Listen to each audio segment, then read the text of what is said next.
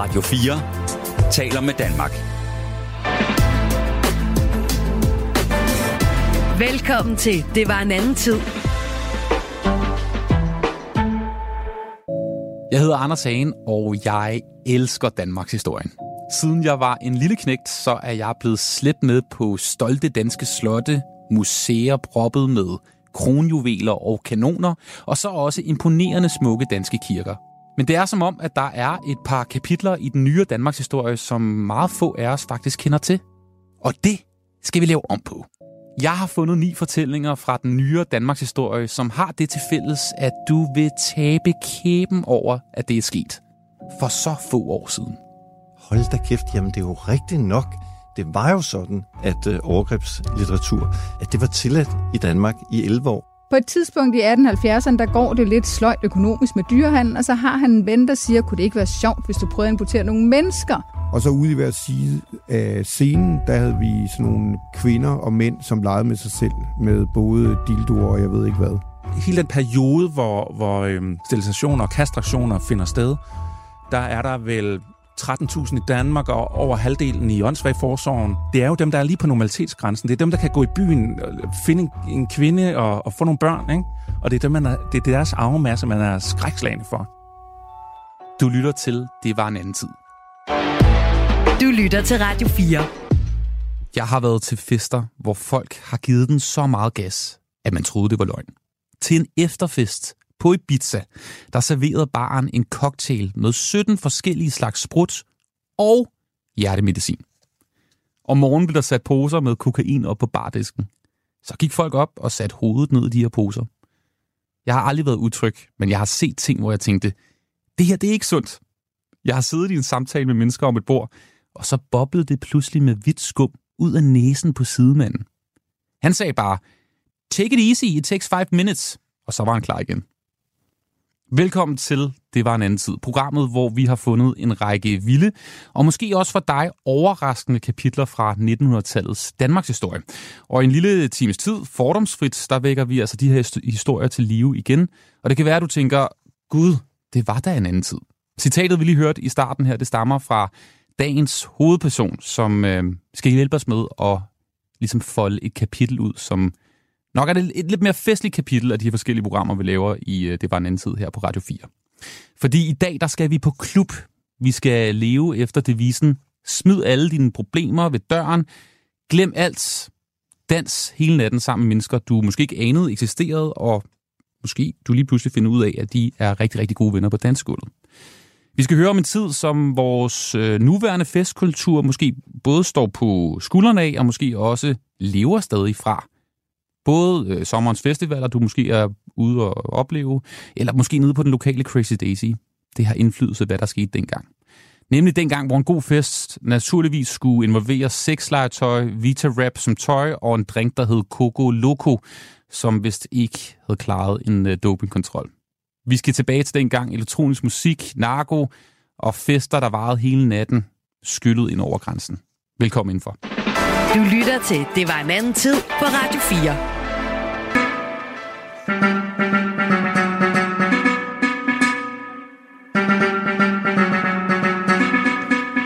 Og til at fortælle historien om festen i 80'erne og 90'erne, der har vi øh, passende selskab, synes jeg, af en mand med 40 års erfaring i at øh, holde fest.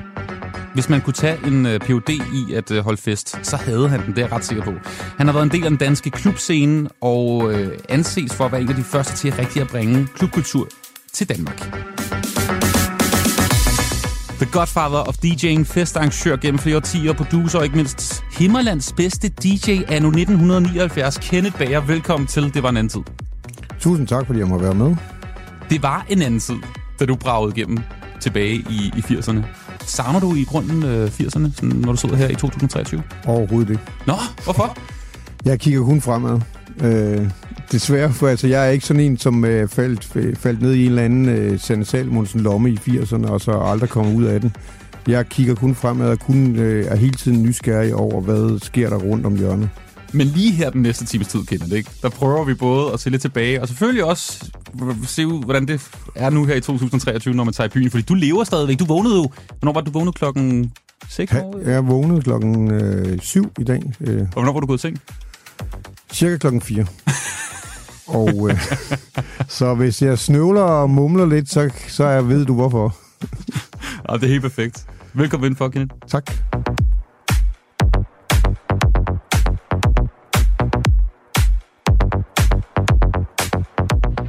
Du lytter til Det var en anden tid på Radio 4. Kette Bager, du vokser op i Hobro i 70'erne, og det er jo ikke sådan et sted, øh, vi normalt forbinder med sådan et sprudlende liv af allo, sådan noget Ibiza, eller du ved, Koma Club og sådan nogle ting, sager, som du jo har fingrene ned i. Øh, Du købte dit første nummer, da du var 10 år øh, gammel, og det var vist det her nummer, ikke? Yes, Daniel Boone, Beautiful Sunday. Oh. Kan du ikke lige prøve at tage os med tilbage til Hobro? Dejlig by jo, øh, der tilbage i 70'erne. Hvordan gik man til fest dengang?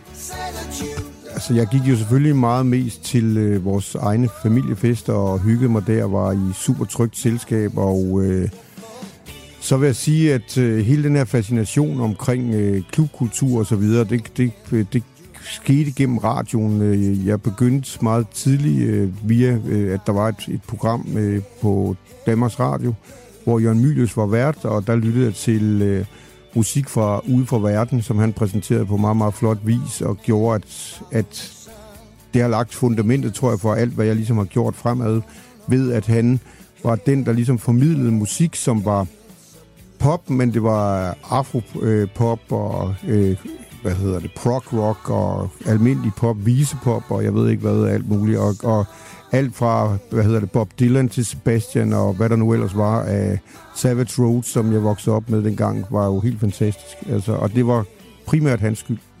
Kan du prøve at tage os med sådan, til en af de første fester, hvor du var alene ude i Hobro og, og smage lidt på, øh, på nattelivet? Det var mine kusiner, som tog mig med på det lokale diskotek, som hed Landsbykron, og øh, Hvordan ser det ud? Det var bare sådan, der var røde tæpper på øh, gulvet og på væggen, og øh, så var der sådan ligesom en, øh, en brun DJ-boks, øh, og så stod der en fyr deroppe og talte øh, mellem alle numrene og talte engelsk, fordi at i 70'erne var Danmark invaderet af engelske DJ's, øh, som selvfølgelig talte engelsk, og det var ligesom den ting, der var fremme. Og samtidig så, så, var, så skal man forestille sig, at øh, på godt og ondt, når man så ligesom selv... Øh, jeg købte et blad på det tidspunkt, der hed Record Mirror, som var mit vindue til verden, hvor at jeg kunne læse om alle mulige fascinerende øh, popbands, øh, som Sparks og øh, David Bowie og T-Rex og hvad der nu ellers var fremme på det tidspunkt. Og øh, når man så gik i byen, så var det, så var, øh, jeg vil tro, 90 procent af alle de gæster, der var, de havde en, de var i træsko og øh, cowboybukser og en t-shirt, og langt de fleste af dem havde en t-shirt på, hvor der stod HIK Hobro Idrætsklub. Mm. Og det var ligesom det. Øh, og, og, øh, Hvordan så det du så ud? Altså, jeg var på det tidspunkt, hvor jeg... Altså, jeg t- havde sikkert også haft bukser på, men jeg havde, ikke, øh, jeg havde helt sikkert ikke, øh, hvad hedder det, træsko på. Jeg havde sikkert øh, nogle... Øh, øh, ja, jeg vil tro, jeg havde nogle øh, sådan ret diskagtige sko på. Mm. Altså, det vil sige med en lille hæl. Øh, øh, og en åben skjorte, og øh, øh, hvad hedder det, et par gabardinebukser, som sad utrolig stramt i skridtet. Hvordan blev det taget imod i, blandt øh, de andre gutter i træsko? Ja, altså, jeg, som, som jeg vil sige, at hvis, jeg tror, hvis mine kusiner og deres kærester ikke havde været med, så tror jeg, jeg har fået bank. Øh, det er jeg ret sikker på. Øh, fordi efterfølgende, når jeg ligesom gik i byen, så øh, kan man sige, at det for, jeg forstår, det er ikke fordi, jeg er dømmende eller noget som helst, men jeg forstår udmærket, fordi det var jo ligesom, der kommer den her, man kan godt kalde det outcast, eller udskud, eller hvad, man nu, hvad det nu hedder på dansk, at der kommer og blander sig, og som ser diametralt modsat ud af alle andre. Så selvfølgelig føler de sig også utrygge mm. ved, at der kommer en, og øh, samtidig så de gange, jeg ligesom valgte at gå i byen, der øh, blev jeg ofte spyttet i hovedet, eller fik en albu i maven, eller sparket i skridtet, eller hvad der nu kunne ske af sjove ting og sager. Det lyder jo ikke særlig fedt, det her. Nej, men samtidig så tror jeg, at øh, hvis jeg så går tilbage, øh, øh, da jeg går i 3. klasse, så, øh, så er der på et tidspunkt tre fra min egen klasse, som vælger at stå... Jeg, mine forældre boede i sådan et øh, kompleks, hvor at øh, sådan en boligblok, og der skulle jeg op igennem en skov for at komme hjem hver eftermiddag. Og i tre måneder, der, øh, der er der ligesom tre af mine klassekammerater, som venter på mig og banker mig hver dag. Og øh, så kan man sige, øh, hvorfor vælger jeg så at gå den vej også, øh, hver dag?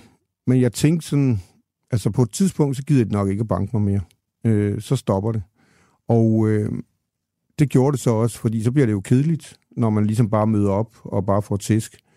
Og øh, jeg tror, at så jeg var ligesom forberedt på, når jeg gik i byen, at der sker et eller andet. Altså, jeg, jeg ser ud, som jeg ser ud, og det vælger jeg ligesom at stå op for. Og øh, jeg gider ikke at gå på kompromis. Øh, jeg, jeg mente jo op i mit hoved, det er de andre, der har et problem. Det er ikke mig. Hmm. Øh, så, og det tror jeg, det har været med til at danne nogle... Øh, hvad skal man sige, hos mig det har dannet mit liv ved, at jeg aldrig er, hvis jeg ligesom sætter mig noget for, så giver jeg ikke op. Og nede på kronen der, der er der jo de her DJ's, du snakker om, og det er jo primært øh, britter, som er DJ's ja, på det tidspunkt, og de var stive og tog narko og alt muligt, ikke? Og du, altså, jeg du ved ikke, om de tog narko, men, men en ting, som, som, øh, de, som jeg observerer, det var, at jeg, øh, jeg havde min kusine som øh, Inger, som øh, tog mig rundt til et par steder, hvor jeg ligesom satte mig ned på, altså jeg var 17 år, øh, i 79, og der satte jeg mig så ned, øh, og i, jeg var på diskotek der første gang i 77, og øh, jeg sætter mig så ned, og nu har jeg en kuglepen her, så satte jeg mig ned med min egen lille blok og noterede, hvad er det, der foregår i det her lokale, ligesom en opgave, man ligesom skulle op til, selvom jeg kun gik et år på gymnasiet. Sådan en antropolog-agtig? Ja, og, og, og, de, og så fandt jeg ud af, at øh, det vigtigste er for en DJ, når man spiller, det er, at man kan, hvad, fordi man kan få folk til alt på et dansegulv, hvis du forstår at programmere din musik rigtigt. Og så den næste regel, som, og det, de to regler, det er faktisk dem, jeg har levet mest efter hele mit liv. Og den, regel nummer to var, at hvis du tager alkohol, eller man kan også sige stoffer, så bliver du hurtigt klovn i dit eget cirkus. Og det har jeg aldrig haft lyst til. Det har altid øh, handlet for mig om at være dybt professionel, og handlet om at øh, øh, handlet om musikken, at jeg vil gerne fremme musikken, jeg vil gerne hjælpe folk, jeg vil gerne promovere musik. Mm. Og du øh, starter så som DJ? Ja. Kenneth jo. I, øh, i 79 vinder et øh, Akai stereoanlæg i, på Landsbykronen i Hobro. Det er jo genialt jo. Hvad, hvad er det, du savner som, øh, som DJ? Altså, sådan, hvorfor er det, du går ind i det her? Hvad er det, du savner for de her andre DJ's og den fest, der er? Jeg, jeg ved ikke, om jeg savnede noget, men jeg, vil, øh, jeg, jeg troede på, at øh, vi danskere også havde noget at byde på i forhold til alle de her udlændinge. Og øh, det var sagt, så var jeg jo sådan, at øh, tit og ofte, så sad jeg og hang ud til meget sent om natten på det her lokale diskotek og talte plader og måde og mix på og så videre med alle de her udenlandske DJ's, og så gik jeg ud med aviser, og så sov jeg i skolen, og så kom jeg hjem, og så var jeg, øh, sov jeg også om eftermiddagen, og så var jeg vågen om natten. Det var ligesom min tid, og, øh, øh, og da jeg ligesom vinder det her stereoanlæg, der, der optrådte jeg i øh, badebukser og badering og ryg og med læbestift, og jeg ved ikke, hvad jeg ikke havde på i, inden for de her kvarter, jeg skulle stå og spille. Og det var, fordi jeg ligesom tænkte, jeg må gøre et eller andet, som øh, kan sagtens virke fjollet, men jeg prøvede ligesom på at lave noget, som var både sjovt og underholdende, øh, og samtidig spillede jeg så også noget musik. Jeg kan huske, jeg spillede Sister Sledge, øh, He's the Greatest Dancer, uh. øh, og øh, som jo er disco, og som er rødder i, øh, øh, helt klart i klubmusikken. Og det var det nummer, jeg sluttede af med, tror jeg. Og du fortæller, Kenneth jo, at du, der, altså, skallerisikoen var rimelig høj. Altså, der var øretæver i luften ret ofte, når du var ude her. Øh, var det ikke også noget med, når du så spillede noget af det her nye musik, som eksempelvis James Brown? Hvad, hvad skete der så øh, blandt øh, måske Jamen, nogle af de lidt mere det, hårdkogte Efter jeg vinder det her stereoanlæg, så, øh, så får jeg så et lokalt job på noget, der hedder Vågenhjulet. Og på det her sted, der... Øh, der lærte jeg rigtig meget, fordi der lærte jeg det på den hårde måde, fordi det var et sted, hvor at... Øh, man kan sige, på en eller anden måde, så kom der rivaliserende rockergrupper. Øh, ikke Bandidos eller Hells Angels, men der var ligesom de lokale, og øh, så skal man forestille at jeg står der, er lidt diskodreng-agtig, og øh, så hvis jeg ikke spillede, jeg var jo helt vild, jeg skulle spille noget James Brown og noget Fatback, og hvad der ellers nu var spændende, og noget øh, New Wave, noget kraftværk, og hvad jeg ellers kunne finde på af sjove ting. Øh, så var det sådan der, så var lågen ligesom, eller så kom de bare op, så satte de en øl på pladen, der spillede, så den bare stoppede, og så sagde nu spiller du kraftsted med noget Deep Purple, eller et eller andet, og selvfølgelig spiller jeg så noget Deep Purple, det er jo klart. Ja. Øh, så var der ikke mange sekunder for det. Men samtidig var det også et sted, som var sjovt, hvor at jeg kan, altså på bedste Lucky Luke-vis, der, øh, der var det et sted, hvor at når de her rockerbands, eller de her grupper, de var oppe og slås, så øh, spillede jeg et nummer, der hedder Sweet Blockbuster, som øh, har en politisirene.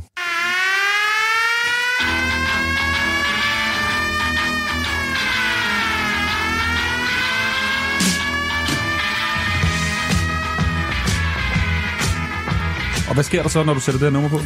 Så, øh, som man forestiller sig på bedste tegneserievis, så sker der det, at så stopper slagsmålet, og øh, folk går hen smart. og sætter sig pænt, og politisire, hvad hedder, politibilen holder lige bag ved DJ-pulten, og øh, så var der ligesom, øh, altså selvfølgelig var der nogen, der blødte og så videre, men så kom de ind, og så var der ligesom, der skete ikke rigtig noget, og der var ligesom ikke nogen, der blev Så det her nummer er sådan en slags pulverslukker, når der er Ja, ved det var det. Det må man sige. Okay, genialt jo. Har du brugt det sidenhen? Jeg har spillet det, da jeg spillede på Daddy, som jo så er det næste del af kapitlet, da jeg kommer fra Jylland til København, hvor at, øh, der spillede jeg meget øh, indimellem glam rock i, i det her elektroniske, og hvad der nu ellers var fremme på det tidspunkt.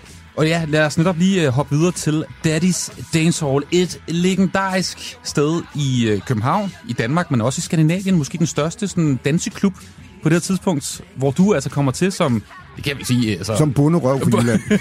du har ikke det træskoene, du har ikke træskoene på, Nej, men du er men tæt jeg, på. det var tæt på i hvert fald. Er det noget med, at Jeg havde alle stripperkongen, kartoflerne i munden, når jeg talte.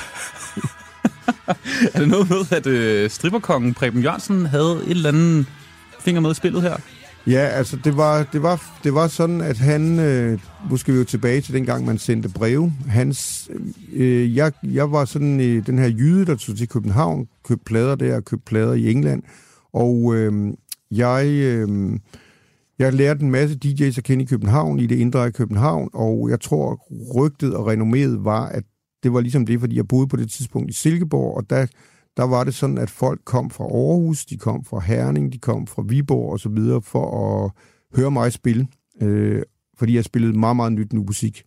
Øh, og, og det var fordi, jeg havde jo fundet ud af det der med, hvis man programmerer sin musik rigtigt, så kan man få folk til at lytte eller danse til alt.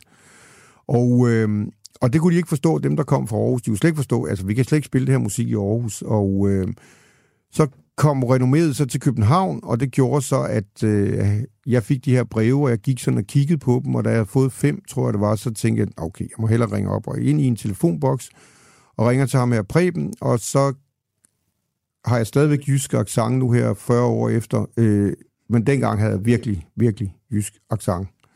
Øh, og øh, han spørger mig så, men øh, jeg hører om dig og så videre, og øh, hvor kunne du tænke dig at spille og sådan noget? Så siger han, jeg gider kun at spille et sted, og det er Daddy's.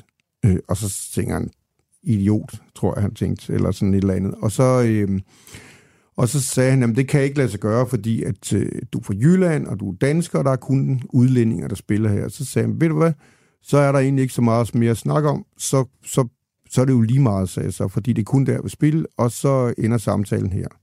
Og det var ligesom det, jeg var iskold, og øh, øh, der skete så det, at øh, på en eller anden måde, så tror jeg, han gik og tænkte over det, og øh, så kom der nogle nye brev, og øh, så en ny samtale, og så sagde han, nu har jeg så ligesom fået dig ind, øh, og jeg kommer ind og spiller på Daddy's, og øh, de har øh, ham og så Daddy's øh, direktør Jesper Lundqvist, de har vedet om en flaske whisky om, om jeg vil kunne holde måneden ud. Altså, jeg startede en onsdag, og de mente, at efter lørdag, så blev jeg fyret. Og det, skal, det hører med til historien. På det tidspunkt er der aldrig nogensinde spillet en dansk DJ i, øh, på Dadis. Øh, så alene det var jo, om jeg så kom fra Jylland, eller hvor jeg kom fra, så var det selvfølgelig et statement i sig selv. Og Daddy's, det ligger i øh, det centrale København, der hvor Pelas ligger. De fleste kender godt Pelas. Ja, Øh, og det ligger faktisk nede i kælderen, og lige nu så er der en øh, meget, meget fantastisk teknoklub, der hedder Den Anden Side Hmm. i bunden. Og øh, jeg spiller så, og det, det starter sådan på den måde for mig, at jeg øh, øh, går i gang, og, øh, og kendte jo godt stedet, for jeg havde været i København, men der kommer sådan en fyr op og bare kigger på mig, en fyr, der faktisk hedder Dan, og så kigger han bare på mig, og så spytter han mig i hovedet. Og jeg tænker bare, nå okay, fedt, så er jeg bare velkommen, så er jeg jo i gang. Og så, øh, så det var jo, det havde jeg jo prøvet før, så det var jo ikke, fordi det var noget øh, uvandt, altså at møde den der modstand. Så jeg tænkte bare, vi ser, vi ser hvor vi er, når, når natten er slut. Og så klokken halv fire eller sådan noget, så, øh, og det, det hører med til, til, til historien, at onsdag, da jeg ankommer, der tager jeg mikrofonen og taler i mikrofonen på jysk engelsk. Oh, det måtte man ikke, vel? Så kommer manageren op og siger, prøv at høre, der er støv på mikrofonen, og det skal der være ved med at blive ved med at være, og vi skal slet ikke have jysk engelsk. og så, så, hvad hedder det, så jeg tager øh, mod alle regler, slukker alt lyset i, på, på Daddies, og tager mikrofonen, og så siger jeg så, nu tager vi til koncert. Og øh, så spillede jeg en masse af de her kendte numre, som de kendte i forvejen, som jeg havde skaffet via nogle øh, BBC recordings øh, og så videre, øh, hvor de jo, det findes i hvert fald ude i Danmarks Radios arkiv, øh, live-koncerter med Yazoo og U2 og The Cure og så videre. Og der havde jeg jo ligesom et, en joker i, i Ja, ærmet, som, som, som de ikke vidste noget om. Og det gjorde så, at det der publikum gik fuldstændig amok og var kommet op og, hey, hvor er det fedt, og hvor har du det fra? Og du ved, altså der var jo, det var ligesom sådan en, man skal forestille sig, at Daddies, det publikum, der var, der var 1200 gæster, og alle lignede en kloning af en fra Duran Duran, eller øh, Visage, som jo er øh, fyre med makeup eller øh, nogen fra Sushi and the Banshees, eller det band, der var frem, der hed Japan, og så videre, og så videre, og så videre. Øh, og, og der var også øh, nogle rockabillister. Altså, så det var ligesom, hvis man forestiller 1200 af dem øh, på et sted, så de gik virkelig op i musikken og, og var fejnsmaker. Men da jeg gjorde det, så da aftenen er slut, og jeg er færdig klokken halv otte, så kommer ham der Dan op, og så siger han, jeg skal nok tale med manageren, så du bliver. Du lytter til Det var en anden tid på Radio 4. Og det er Kenneth Bager, som er med i dagens udgave af Det var en anden tid, og vi er på klub. Og nu skal vi ud af Daddy's Dancehall, selvom jeg godt kunne tænke mig at blive der lidt, fordi det lyder som et, øh, et festligt sted. Vi skal øh, nemlig øhm, vi skal syde på, fordi en dag der kommer din ven, øh, trommeslageren øh, Paul Denhardt fra det populære band Walkers, hen til dig og fortæller dig, at han har fundet et paradis. Et Jeg kommer Fest. faktisk til ham. Okay. Øh, hvad hedder det? Jeg, øh, jeg kommer ud til hans pladebutik ude i Glostrup, fordi han havde ligesom en pladebutik. Øh, han elskede øh, ny, øh, spændende musik og var importør af amerikanske plader engelske og i det hele taget fra Europa. Og så står vi og taler over disken, og så siger han til mig, jeg har lige været på Ibiza. Øh, og øh, det er mens øh, jeg er på øh, Daddies, og øh, den der første måned, og så siger han, prøv at- folk kørte limousiner i swimmingpool, og øh, jeg så Roman Polanski. øh, det er lige et sted for dig. Kenneth. Og jeg tænkte, det lyder virkelig fedt. Og øh, samtidig med det sker, så, øh, så hvad hedder det, så jeg booker ligesom øh, sammen med en veninde øh, efter Daddies øh, en tur til Ibiza, og øh, Kendte du mange, der havde været på Ibiza her? Altså var det jeg, udover ingen, altså absolut ingen. Jeg anede intet om det. Hvad med Jeg- sådan noget med Simon Spies og sådan nogle typer? Havde de, var, Ibiza var ikke en del af det der? Mallorca, tror jeg. Ja. Meget mere Mallorca. Hvad hedder det? Så jeg vidste ikke noget, og jeg tænkte bare, det lyder vildt fedt, det der med en limousine i en swimmingpool. What's not to like? Jamen, uh, Kenneth, jeg tænker, at du lige skal tage os med på den her tur til uh, Ibiza, en ø, der er cirka på størrelse med jeg ligesom regnet mig frem Ja, til. men den er lidt mindre end Bornholm. Lidt mindre end Bornholm, ja. ja. Øhm, du lander her i 1981, første gang, ikke? Men jeg tænker, 82. Du, 82. Ja. Du lander i 82. Kan du lige prøve at tage os med her? Hvordan ser det ud på Ibiza, når du lander? Altså, de har... Øh, hvis man kommer til Ibiza i dag, så har de et område, som minder meget om Jomfru Anegade i Aalborg, i en by, der hedder San Antonio. Men sådan var San Antonio ikke dengang. Der var det øh, en blanding af transvestitter og folk, der øh, gik med fyre, der gik med makeup og... Øh, altså, det var rimelig frem i skoen i forhold til... Og for mig var det jo... Øh, der var det jo ligesom en gave, fordi jeg lige pludselig kommer ned et sted, hvor der var mange, som så ud som mig selv. Og det er jo klart, så tænker man, hey, hvad sker der her? Det er jo, øh, det er jo bare, der er jo bare en masse, masse, som vil det samme og kan lide det samme som mig. Der var ikke nogen, der spyttede hinanden i ansigtet på den måde. Det var der ikke. Altså, tværtimod, så havde man samtaler omkring musik og øh, alt muligt, hvad der nu var fremme, og tøj, og hvad man nu var inde i, eller kunne lide på det tidspunkt. Hvordan ser dansegulvet ud på den, nogle af de første klubber, du besøger? Øh, jeg var på en klub, der hedder Ekstasis, øh, kan jeg huske, og øh, jamen altså, det var det er sådan en, ja, det ligner faktisk Aladdins hule, øh, vil jeg sige. Og jeg har været der til en fest øh, i, øh, i 1985, der hvor Frankie Goes to Hollywood, de øh, ligesom ligger nummer et i England med Relax, hvor at Holly Johnson, forsangeren, han går op på baren og sparker alle glasene ned, og øh, DJ'en dæmper musikken, og så siger han, øh, noter, vi giver gratis øl, og hvad folk vil have at drikke øh, fra nu af, og så var det bare fest. Wow, okay.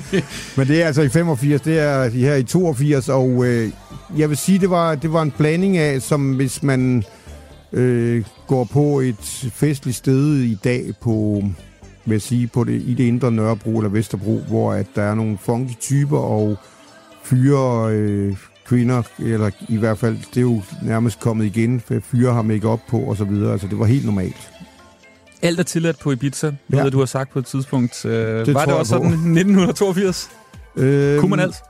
Ja, det, det, altså, jeg, jeg var jo sindssygt ung, og samtidig så fik man fornemmelsen af, at det her, det er ligesom, jeg ved ikke, hvad man skal kalde det, det var øh, et paradis, men det, man kunne godt fornemme, uden jeg dog helt vidste, hvad det var på det tidspunkt, at det havde forgreninger i, øh, i hippie-kulturen, og øh, når man så ligesom øh, hvad hedder det, dykker ned i det, så, har, så er der jo nogle af, altså, alle de, altså Pink Floyd har indspillet og lavet film dernede, og jeg ved ikke hvad, alt muligt. Ham, der har lavet alle Pink Floyds pladecovers og så videre, bor på Ibiza og så videre, og så videre, og så videre. Når man ligesom begynder at dykke ned i det, så sker, så, så finder man ud af, at der er, der er faktisk rigtig meget, som har startet der, så, som har sidenhen spredt sig. Og for en ung mand fra Hobro, der lige har været inde øh, på, ja, jo jo, daddies, men selvfølgelig ikke har smagt på den helt store hvide verden. Jeg tænker, du må også have oplevet nogle sindssyge ting på Ibiza, når du lander der, både med narko og med folk, der gakker ud seksuelt, og limousiner i punen. Hvad, hvad er sådan det vildeste, du lige oplevede der i starten, hvor du tænkte, det, det, det, det, det ser Jeg ikke. oplevede ikke så meget det, det, det første år, synes jeg, men, men øh, jeg vil sige, at øh, som årene er skrevet frem, så kommer man jo til at lære nogle mennesker at kende, når man kommer med til det, hedder, det der hedder nogle afterparties og, og så videre. Og øh, jeg tror, at, at øh, altså jeg har da været med til fester, hvor at, øh, jeg, det hører lige med til historien igen, at jeg ikke, jeg er ikke en, der tager stoffer, og jeg er heller ikke en, der drikker. Jeg tror, jeg har været fuld 15 gange eller sådan noget, cirka i mit liv. Det er ret vildt, når du ligesom har været DJ i så mange år. Det handler om musikken. Ja. Men du må da have sagt nej mange gange til ting og sager, ikke? Jeg tager det ikke. Altså, jeg, jeg har ligesom tænkt, at, hvad hedder det, um, jeg har faktisk hygget mig rigtig meget over, hvor, det, hvor sjove øh, folk har opført sig, når de har taget de her ting. Øh, og så har jeg ligesom øh, grint indvendigt og tænkt, hold da op, mand. Tak for, at øh, du laver den her film for mig. Vi, vi, spoler lige tiden lidt øh, frem, fordi der, du har dog smagt på en enkelt ting, den her Coco Loco. Kan Ja. du ikke lige prøve at fortælle, hvad en Coco Loco er, som man kan få på Ibiza i 80'erne? En, det kan, man, nogle gange opstår den, og nogle gange den kommer sådan, at den kommer og går, og den, øh, det er en drink, som ligner til forveksling øh, fløde. Og øh, der er, så vidt jeg ved, 17 genstande i, og øh, det lyder mærkeligt, altså 17 genstande, og det, men det smager meget ligesom fløde. Og øh, første gang jeg fik det, er i, øh, jeg er nede og optræde på sådan et legendarisk sted, der hedder Q, øh, hvor at Talk Talk, øh, James Brown, Grace Jones, Kid Creole, øh, alle datidens kæmpe store stjerner har optrådt, og så lille danske Dr. Baker.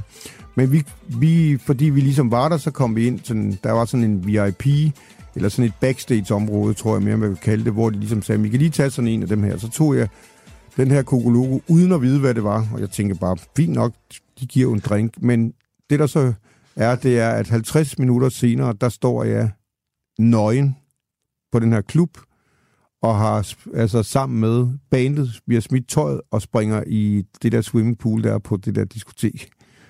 Var der ikke også... det, det, Altså, jamen, og det er ikke løgn. Var det ikke også noget med tv, der blev ødelagt med en økse? Eller Jo, sådan jo, det var mig, der, hvad hedder det, i, i hvad hedder det, hvor at, det, jeg var ikke særlig populær, men vi havde fået installeret et, et fjernsyn, fordi vi var jo ligesom, vi kom jo lidt fra punk, øh, også i Dr. Baker, så, så jeg øh, hakket et fjernsyn i stykker, men det, som der ikke var så populært, det er jo, der er glaskår fra et fjernsyn, i hvert fald fra de gamle, så øh, det, det kastede i den her swimmingpool, og det var jo ikke så populært, kan man sige, når det skulle rense. Klublegenden Tony Pike, ham kender du godt, ikke? Yes, og Yes. mødt mange gange. Han var ejer af Pikes Hotel, og hvad var det nu, det var? Det var sådan en hotspot, ikke, for celebrities? Det var et, et super hotspot, og det, det, det som der var, da jeg lander på Ibiza første gang, så kan jeg huske, at jeg sidder nede i San Antonio og får en eller anden øh, engelsk, engelsk breakfast med beans og, og, og så videre. Og der kan jeg huske, så ligger der sådan en avis, og på forsiden er Freddie Mercury. Og øh, så spørger jeg dem så ligesom, hvorfor er han på forsiden, hvor jeg var kæmpe Queen-fan. Og så fortæller de mig, at øh, hvert år, så fløj Freddie Mercury 200 af de største stjerner fra England ned til Ibiza og indkvarterede dem, og så holdt de bare fest i en uge. Masser af kokoloko. Og ja, det ved jeg ikke, hvad jeg tror, de tog nogle andre ting også. Altså, det skal, der tror, der har været rimelig meget gang i den dengang. Og, og det var så hos Tony og, Pike? Ja, og der, der kunne ikke være 200 ude hos ham, men de blev indkvarteret alle mulige andre steder, men de festede på Pikes i en hel uge. Og ham er og, Tony... Og, da, og de danske Margit og Erik Brandt, de var faktisk en del af det jetset. Uh, okay. Gid jeg bare kunne sidde Det er i på hvert fald sådan, og hvis man kommer ned i receptionen, så er der et billede af dem sammen med Sylvester Stallone og øh, Grace Jones og så videre. Men de var en del af det jetset, som, jeg ved ikke, hvor mange ved det, men de var også en del af det jetset omkring Studio 54, hvor de ligesom bare tog over og dansede. En legendarisk klub i New York. Men ja. Ja. Tony Pike, han havde altså det her sted, Pikes Hotel i, øh, på, på Ibiza, og jeg har en lille bid med fra, fra ham, hvor han fortæller, han er jo død nu, øh, Ja. desværre, Ja. men han øh, fortæller her om et, øh, et rigtig godt knald på, øh, på Ibiza. Prøv at høre her. Grace Jones is the best fuck I've ever had in my life. She had so much energy. Boy, it. How old are you now? 83. Kan du ikke lige prøve at fortælle lidt om også, øh, hvad der foregik øh, ellers? Jamen, jeg har ikke været sammen med Grace Du har Jones, ikke knaldet med Grace Jones? Jeg var heller ikke beskuer, men det kunne have sikkert have været sjovt. men, men du må da også have haft øh, lidt gang i... Øh, I underlivet? Ja, der på Ibiza, forestiller jeg mig, eller hvad? Hvem, hvem har du knaldet med? Ikke specielt. Jeg har ikke været sammen med hverken Roman Polanski eller Harrison Ford, eller hvem der nu ellers har været der. Altså, ikke, ikke, ikke specielt. Men er det her meget tidstypisk, det han fortæller her, at han har knaldet med Grace Jones, og nå ja, sådan var det. Var det, var det også meget det, der foregik? Altså, der bare var, ja, som sagt, ingen regler. Kan du prøve lige at fortælle Jeg om det? tror, altså, jeg tror, at det, det, man ligesom tager lidt fejl af, det er, at, øh, eller det, som hører med til historien, i, i, at da jeg lander der på Ibiza, øh, der kommer jeg ud på en strand, man sejler ud og så videre første gang der, og jeg kan huske, at en af de ting, som der virkelig rystede mig, det var, at jeg er ude, og nogen står og spiller strandtennis og så videre, og så, så er der ligesom øh, en, der sådan approacher mig, og vi snakker lidt sammen, og så viser det sig, at den person er sammen med bassisten fra David Bowies Let's Dance øh, Mm. band. Og tænkte, okay, det er meget fedt her.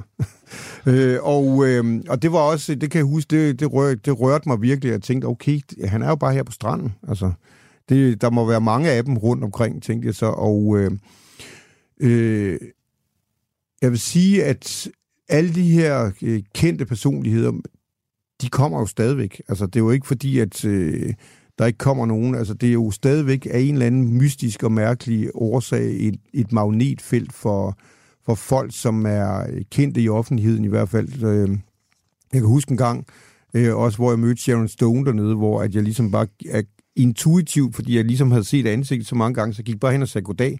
Og jeg ved egentlig ikke, hvorfor jeg sagde goddag. Så tænkte jeg, hvorfor gjorde jeg egentlig det? Nå, det var for- selvfølgelig, fordi jeg havde set hende så mange gange, og set den her fantastiske scene, i, hvor hun øh, sprøde ben.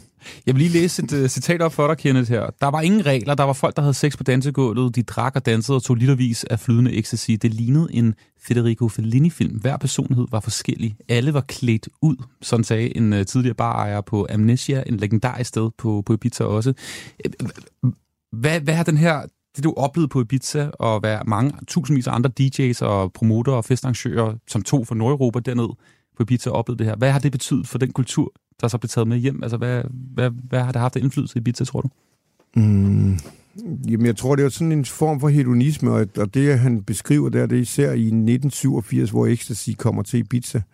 Øh, og øh, jeg kan selv huske, at jeg var jo ikke særlig gammel, jeg kan bare huske, at der var øh, en eller anden super lækker kvinde, hvor, som, som flyttede med en fyr, og så på et tidspunkt, så ligger ham der, altså på amnesia, så ligger han så ned på dansegulvet, og så tager, hende der, så tager hun den der nederdel, hun har, og så løfter hun den bare op, og så har så hun bare nøgen i nogen, og så sætter hun sig bare ned på hovedet på ham her på dansegulvet, og nærmest har sex med ham på dansegulvet. Og jeg stod bare der som den der lille jyde. Okay, der er sgu rimelig gang i den her.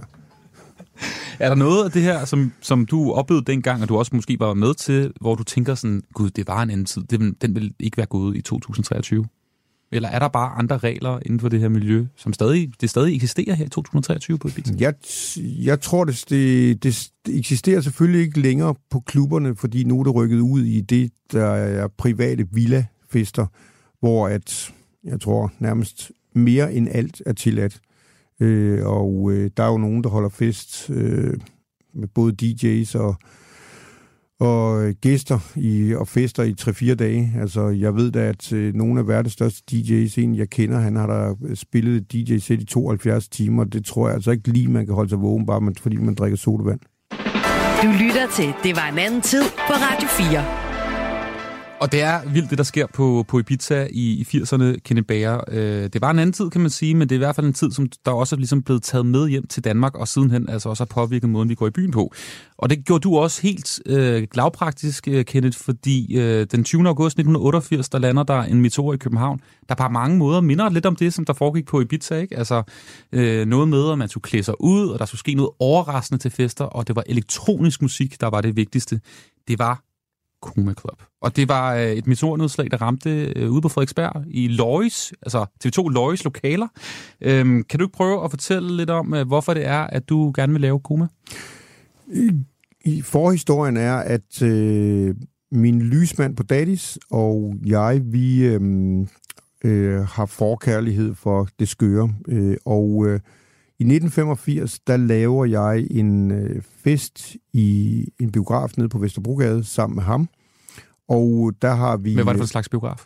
Øh, det er bare en almindelig biograf. Okay. Ikke nogen pornobiograf. Okay. Det var bare en biograf. Det blev senere en pornobiograf. Men, men øh, der, var, der havde vi fået klædt alle dørmændene ud i øh, Clockwork Orange øh. Øh, og med skridtbeskytter og det hele, og bowlerhatte. Og vi havde fået af en eller anden mærkelig årsag, vi må have haft gode talegaver, der har vi fået sponsoreret for, jeg ved ikke hvor mange penge, øh, legetøj fra Fætter BR. Så det var, der var så meget legetøj på toiletterne, at man skulle tage et skridt op. Så hvis du sad og skulle lave stort, så, sad, så havde du benene vandret. øh, og øh, pissoiret, altså legetøjet var helt op til pissoiret inde på herretoilettet. Og øh, så havde vi øh, fået lavet, øh, vi havde, med den lokale bokseklub, havde vi fået dem hyret, så de boksede hele natten. Altså på dansegulvet? Ja, og så havde vi, så havde vi, øh, så fordi jeg elsker Danmark, øh, så havde vi på det store lærred kørt, så kørte vi passer, passer piger med Dirk Passer, som jo er ikonisk. Den kørte vi baglæns og på hovedet.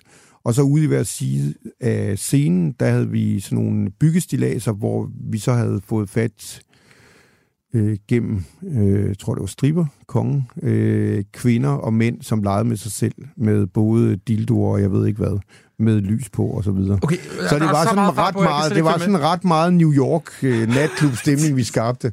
Og øh, og, og dildo dukker, øh, hvad hedder det, Lolita dukker hedder det, og puslige Lolita dukker i loftet og vi havde så som var meget dumt, øh, købt, jeg ved ikke, mange liter popcorn, som vi smed ud på danskole, som gjorde, at der var olie i popcorn, at folk skøjtede rundt.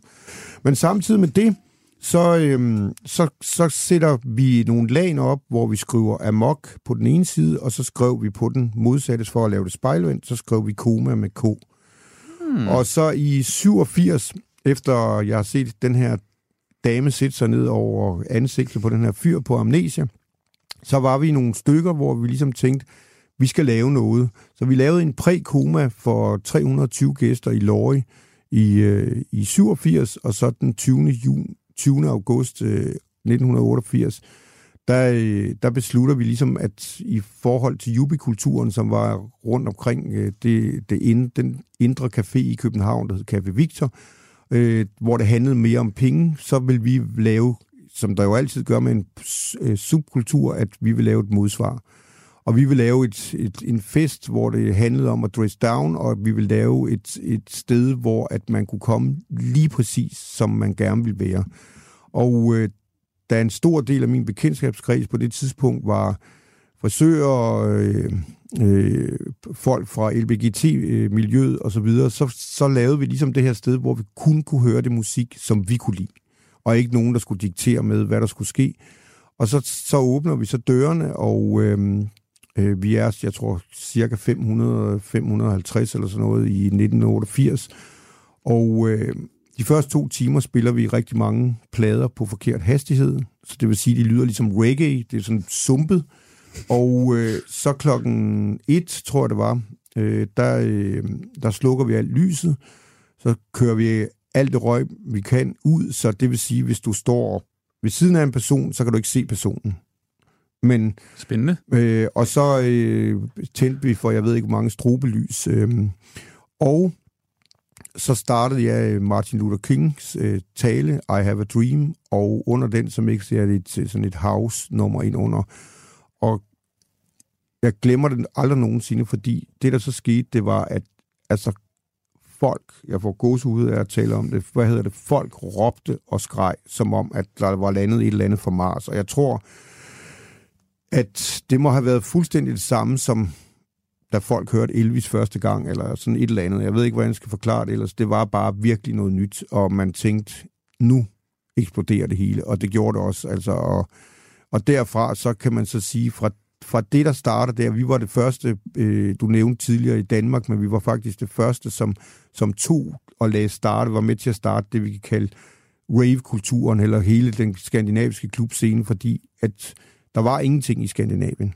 Og der kommer i øvrigt en, øh, hvad hedder det, en tv-serie eller seks afsnit, som det, øh, Danmarks Radio, Sverige og Norsk TV og så videre ved at lave øh, om det.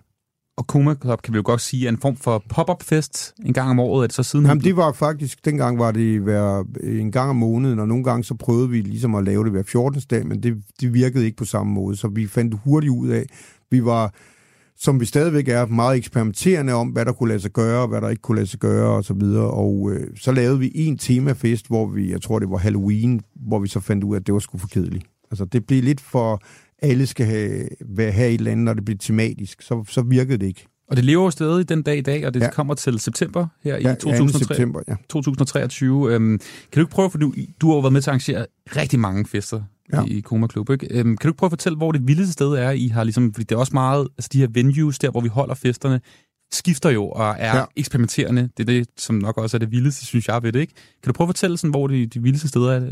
I jeg synes egentlig, et af de steder, hvor at øh, det på en eller anden mærkelig måde lykkedes rigtig godt, det var, øh, det er i hvert fald en fest, mange taler om stadigvæk. Altså, men det er jo, altså, jeg vil sige mere eller mindre, hver fest har sin egen, sine egne momenter, men øh, da vi var ude på det nedlagte Danmarks Aquarium ude i, øh, uden for København, uh, lidt nord for, ja, øh, ja, ude ved Hellerup, øh, øh, der, øh, det var noget helt unikt, fordi at man ligesom, øh, folk dansede ind i hajbassinerne, kan man sige. Altså det, det, det kunne et eller andet, som, som var unikt, og vi, vi fik øh, fremskaffet, fordi der var cementgulv, så fik vi fremskaffet et, jeg kan ikke huske, hvor stort det var, et kæmpe guldtæppe ind til vores øh, hovedrum, hvor folk dansede, hvor at for ligesom at lave, fordi man bliver jo træt i læggene, hvis man danser mange timer, og det skal man jo tænke over for vores publikum.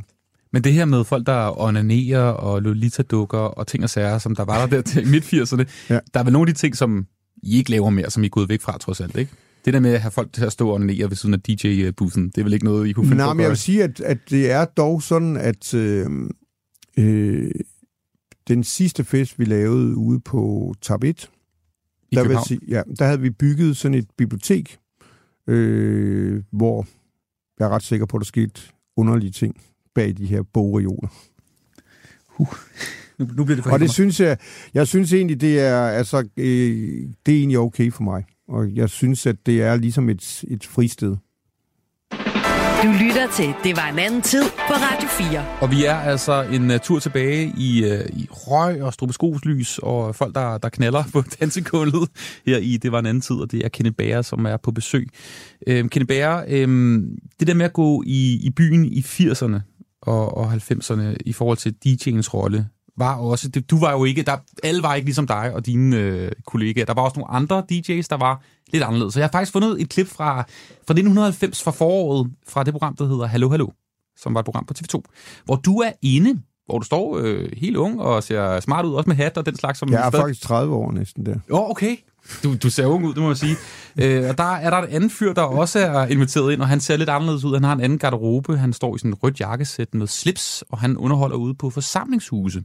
Øh, og jeg har bare lige taget det med for sådan at prøve... Og, og så vidt jeg ved, har han vist også været europamester i boksning. Okay. det, var, ja, det, det, det er vildt. Det har du trods alt ikke. Men lad os lige prøve at høre, hvordan han, fordi I bliver ligesom sat op imod hinanden til sådan at vise, hvordan man... Hvad, hvad kan I, ikke? Og lad os lige høre, hvordan han gør. Ja, det var Dodo, han hedder Dodos med et nummer, der hedder Giv mig, hvad du har. Nu skal vi lytte til noget helt andet musik. Vi skal lytte til gruppen Dire Straits og et nummer, der hedder Walk of Life. Og med det vil jeg sige tak for i aften. Det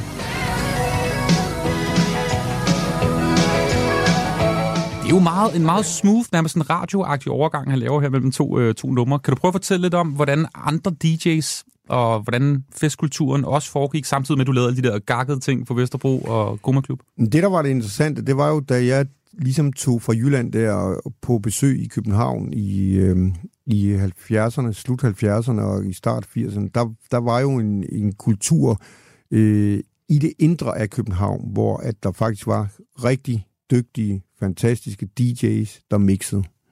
Så der talte de jo ikke.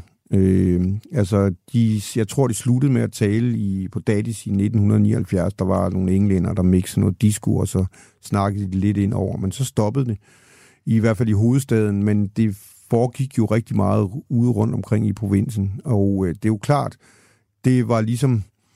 Øh, det var det normale, og øh, jeg, øh, Gert Bo er jeg ret sikker på, han hedder ham, vi lige har hørt, som var, jeg mener, han var europamester i boksning, og var, tror jeg, inde under den samme øh, bureau som, øh, som boks.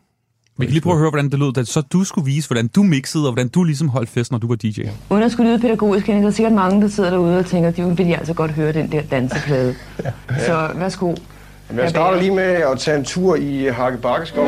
Vi skal jo sidde og hygge os derhjemme foran kameraet. Det er altså Bamses fødselsdag, eller Lottes fødselsdag, eller hvad skal vi sige?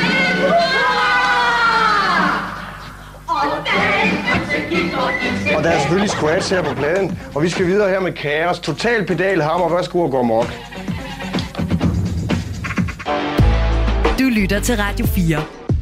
Men, men hvor lang tid tog det så, når du var øh, ude og opleve ligesom, øh, bylivet i den her periode? Hvornår var det ligesom, at andre DJ's begyndte at gøre ligesom dig og nogle af dine andre øh, kompagnoner i 80'erne? Hvornår var det ligesom, du mærkede, nu er den her elektroniske musik og måden, man bruger virkemidlerne, også kommet ud i resten af Danmark?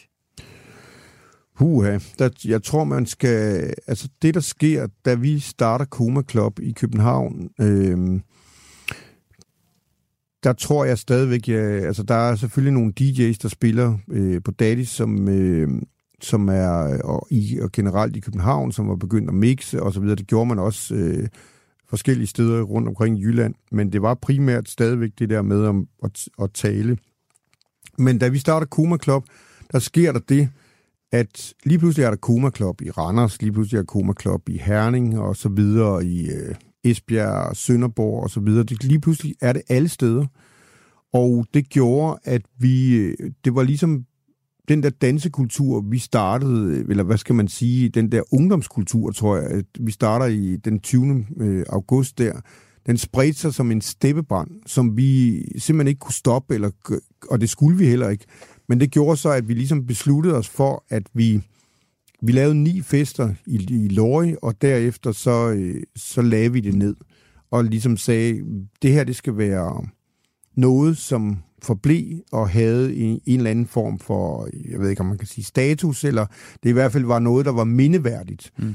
øh, uden at det blev kommercielt eller et eller andet, for det blev, altså det, den der steppebrand, det blev jo kommercielt, fordi det ligesom bare alle steder var det. Selv jubierne vel lige pludselig til fest? Ja, ja, altså det var jo ligesom, alle vil gerne høre det her... Øh, det her house-musik, fordi det var jo øh, discoens forlængede arm, og, øh, og energien i musikken var jo helt fa- fabelagtigt, så det, det var alle mulige steder. Det, selvfølgelig var det ikke hele tiden, kan man sige, hvis man stod og spillede i Silkeborg, men så, var der, så spillede man måske 20 minutter med house-musik, eller så videre, og så videre. Ikke? Du lytter til Det var en anden tid på Radio 4. Kenny Bager er i studiet. Dagens udgave af Det, er, det var en anden tid, og øh, nu spiller DJ's jo på udsolgte stadions, på øh, festivaler, de er øverst på plakaten, David Guetta, Calvin Harris, alle de her store navne, som har, kan man sige, præget populærmusikken, især måske de sidste 10-15-20 år, ikke også? Øhm, det var det jo ikke dengang, kan man sige, tilbage i, i 80'erne. Ja, der var det pionerarbejde. Der var det pionerarbejde, og folk øh, spyttede dig i ansigtet den slags. Øhm, Kenneth, hvornår synes du egentlig, det har været sjovest at tage i byen? Fordi du har jo oplevet fest i, i ja, snart øh, fire årtier, kan man sige. Hvornår synes du, det har været aller sjovest?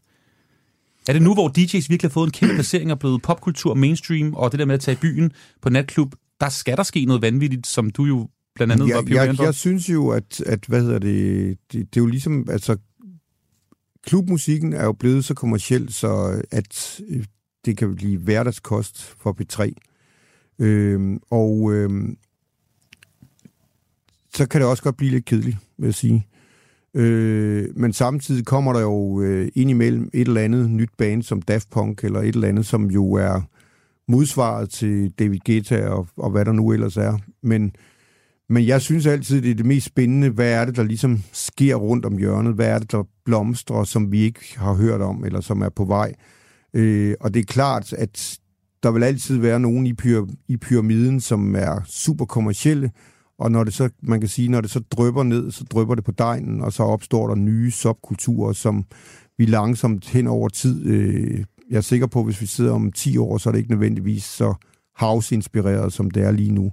Så det tager noget tid, og så sker der noget nyt. Altså hvis man kigger på, på populær musikens historie med rock and roll, og så er der beatniks, så er der Motown, så var der dit, så, så var der øh, rock og så videre, og, og, og glam rock og, og, og disco. Øh, så der, der, kommer, der kommer helt sikkert til at ske noget.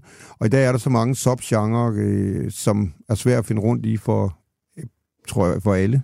Jeg tænker også, en af de store forskelle på, dengang du voksede op og brød igennem og blev DJ i 80'erne, og det, der sker nu, det er vel, at det der med at få fat på musikken, var jo en helt anden genre dengang. Det var et helt andet ballgame, ikke? Der skulle du købe plader, og du skulle have pladerne fra udlandet ind over grænserne. Nu kan du jo bare gå du hen på din computer, og der tror, der bliver udgivet 40.000 nye sange hver dag, ikke? Jo, men jeg vil, jeg vil stadigvæk sige, at bare lige kommer der en sjov anekdote. Mine forældre, de handlede altid ind i Hobro hver torsdag, og så havde jeg jo fundet ud af, at det her plade, jeg øh, købte, øh, Record Mirror, at der var der en pladebutik i Greek Street i London. Så der ringede jeg op til en ældre dame, som spillede øh, vinyler over telefonen for mig. og så for min øh, hårdt tjente, hvad hedder det, avispenge, der købte jeg så dem her på postorder. Og så det fortæller jo rigtig meget om det. Og, og det sjove er, de har sikkert vidst det. Mine forældre har aldrig nogensinde påtalt, at deres telefonregning var meget, meget høj. det var nok meget heldigt, de gjorde det, at lukkede ud på det. Øh, og øh, der udkommer 40.000 numre, er der i hvert fald nogen, der siger hver dag. Men det, som der er, det er jo, at øh, det, man kan bedømme en DJ på, det er jo, som David Bowie engang sagde, I am a DJ, I am what I play. Og øh, man kan meget, meget hurtigt høre, om festen eller om stemningen er god, og det er jo ud fra det udvalg, som øh, DJ'en spiller, og det var jo min grundregel, da jeg var 17 år, og det er jo ligesom, alle kan spille musik, og det har jeg også haft nogle samtaler med alle mulige. Alle kan være DJ i dag, men alle kan ikke spille lige godt.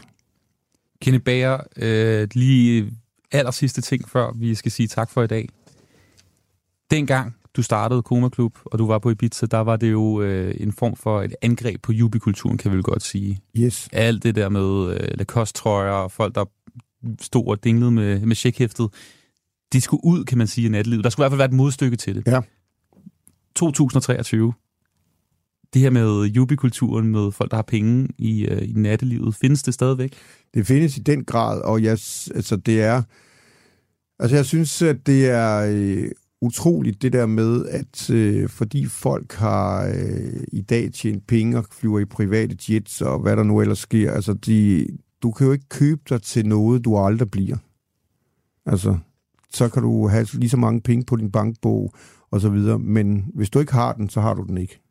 Så vi har brug for en ny revolution eller 80'erne, hvor det hele gik amok? Ja, og jeg vil sige, at det, det, det sker jo hele tiden. Altså lige nu, så, så tror jeg, altså vi øh, i forhold til scenen, altså vi kan jo altid snakke om, at være så meget frigørelse og det ene og det andet, men, men det er stadigvæk svært, og der er stadigvæk masser af ting, der skal løses og løsnes op for i forhold til LGBT, øh, hvad hedder det, kulturen. vi har masser af ting, der skal, der skal fikses fremadrettet, og vi er godt i gang, men der er stadigvæk hårdt arbejde. Kenny Bager, tak fordi du var med. Tusind tak, fordi jeg måtte være med. Det var, det var en anden tid for denne gang. Tak fordi du øh, gad at høre med. Med til at lave programmet i dag var Astrid Kirkeskov. Jeg hedder Anders Hagen. I dagens program har vi lånt klip fra Vice og TV2. Tak for det. Du lytter til Radio 4.